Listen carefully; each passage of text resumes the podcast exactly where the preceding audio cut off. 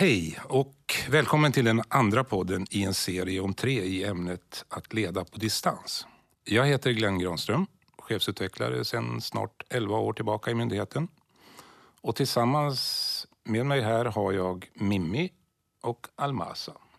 Mimmi, du, du var ju med oss i den förra podden när vi pratade om vikten att vara närvarande som chef på distans. Mm, tack så mycket. För kanske nya lyssnare så kan jag bara nämna att jag jobbar eh, med att utveckla ledarskap och coacha chefer i kommunikation och främst då inom leda på distans. Mm. Almasa, välkommen. Tack. Almasa Idrizovic eh, jobbar som enhetschef inom avdelningen rehabilitering till arbete, enhet Trollhättan. Jag jobbar som chef för specialister, som det benämns, inom vår myndighet. Och de jobbar i team och är i dagsläget placerade på två orter, Trollhättan och Åmål. Vår enhet har också ett ansvarsområde som täcker Uddevalla och kusten, men då är det en annan chefskollega som ansvarar för det. Mm. Tack. Eh, temat för dagen är mål, uppföljning, återkoppling. Mimmi, jag läste en artikel där du säger att leda på distans ställer högre krav på tydlighet vad gäller just uppdrag, förväntningar, uppföljning och återkoppling. Kan du utveckla det lite grann? Mm. Ja, men visst är det så. Och jag tänker också att med avståndet så följer naturligt ett ökat behov av att man faktiskt strukturerar och tydliggör väldigt mycket saker. Så på något sätt, så fort avståndet ökar så behöver vi tydliggöra och strukturera ännu mera. Och jag tror att man behöver lägga ökad vikt på det här med att prata förväntningar om man ska lyckas bra med mål och uppföljning. Och förväntningar menar jag att vi behöver ha kloka samtal där vi faktiskt just frågar. Men vilka förväntningar har du på mig Glenn om du är min chef? Mm. Alternativt att eh, du som chef frågar också mig. Vilka förväntningar har du? När man reder ut förväntningar så kommer vi väldigt långt i att skapa tydlighet. Mm. Men du menar att det är viktigare då när man leder på distansen om man finns så att säga på samma Ja, det behövs tydliggöras för att när du är i samma lokaler, om man får uttrycka det så, mm. då kan du alltid gå in och knacka dörr ja. och ställa frågan till chefen. Att, men hur tänkte du här? Eller jag har inte riktigt förstått. Det är ju inte ens säkert på distans att du får tag på din chef ja. eller ditt team. Så du behöver ha en tydlighet i förväg kring väldigt mycket saker. Så förväntningar och sen brukar jag också säga att prata kring spelregler. Det är ju sån lite trist ord kan man tycka. Men spelregler handlar om att också tydliggöra hur ska vårt samarbete se ut? Hur ska vi följas upp? Hur ska vi ge återkoppling? På vilket sätt ska vi göra den? Så att sätta någon form av regelverk kring hur vi ska samverka brukar vara väldigt framgångsrikt. Och det blir också viktigare på distans. För du kan inte lösa det Nej, om du inte har gjort det i förväg. Mm. Så mm, så absolut. tänker jag kring den frågan. Ja, jag tänkte ta lite avstamp i ledningsfilosofin igen, precis som vi gjorde förra gången. I vår ledningsfilosofi framgår det ju att som chef så ska du inspirera och entusiasmera och beskriva det högre syftet med verksamheten, vision och målbild. Och du ska skapa förutsättningar för varje medarbetare att knyta individuella mål till dessa.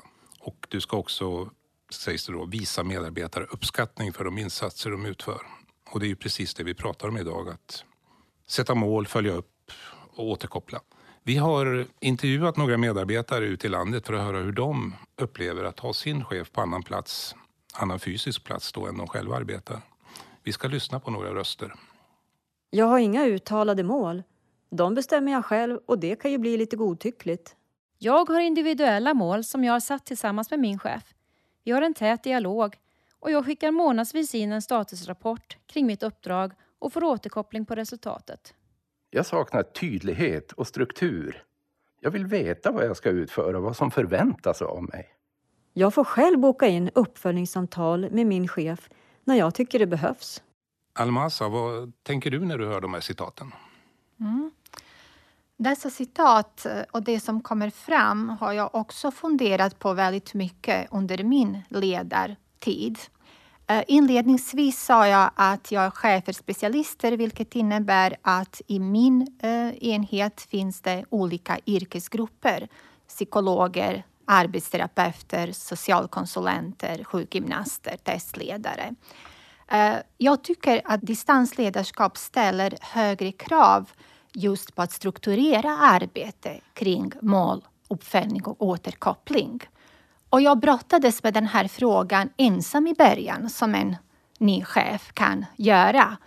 Och sen insåg jag att det här arbetet lyckas jag inte med om jag inte involverar våra medarbetare. Vi ser, och jag ser vi, för det tänker jag också medarbetarna, en stark koppling mellan verksamhetsresultat och arbetsmiljö.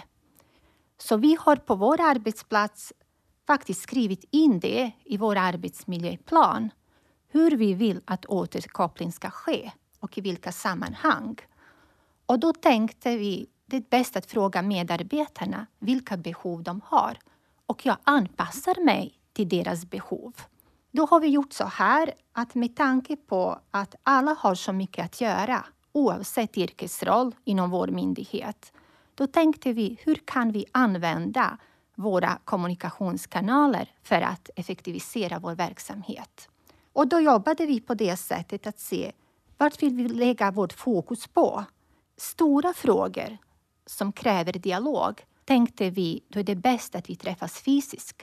Då ska vi prata lite mer, få synpunkter. Andra snabba frågor tänkte vi det kan vi ta via mail, via sms om det är någon snabb fråga, telefonkontakt och Skype.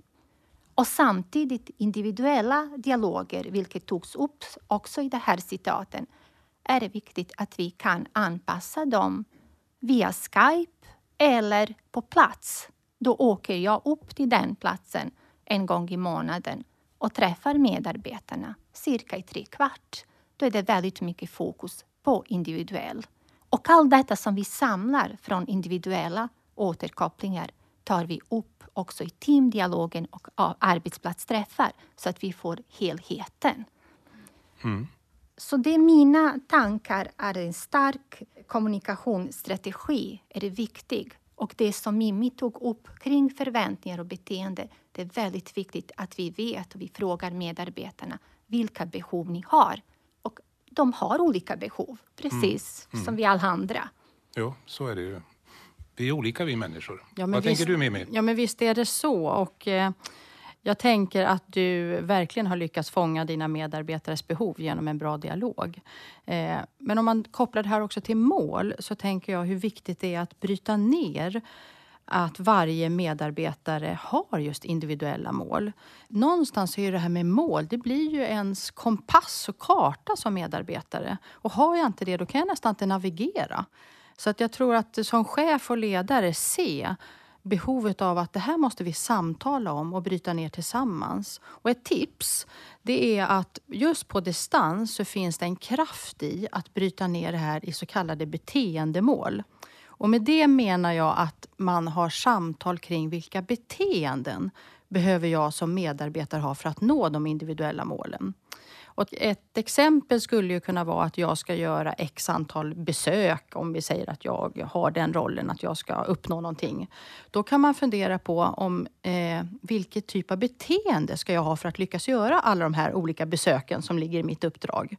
Och då är det det man definierar och tittar mm. på. Ja, men jag måste vara aktiv här och ha det här beteendet om jag ska nå målet. Vad spännande. Ja, och det betyder ju faktiskt att jag som chef kan coacha och hjälpa min medarbetare att sätta de här beteendemålen.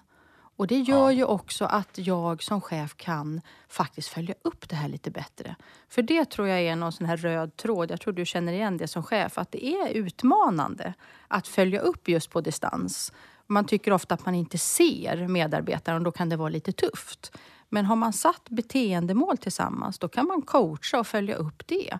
Men hur gjorde du? Vilket beteende hade du för att nå målet? Och i det får man liksom fatt i det som är både utmanande och svårt och det man har lyckats med. Så det blir något så helt fantastiskt samtalsunderlag för att skapa en förflyttning i rätt riktning. Så mm. beteendemål är verkligen någonting att ta tag i och börja jobba med. Vad, vad, tänker du kring det när du hör det som chef? Absolut, Mimmi. Det är just det som jag tycker är det också utmaning för väldigt många av oss chefer. Inte bara som leder på distans, utan de som leder som vi kallar på plats. Mm.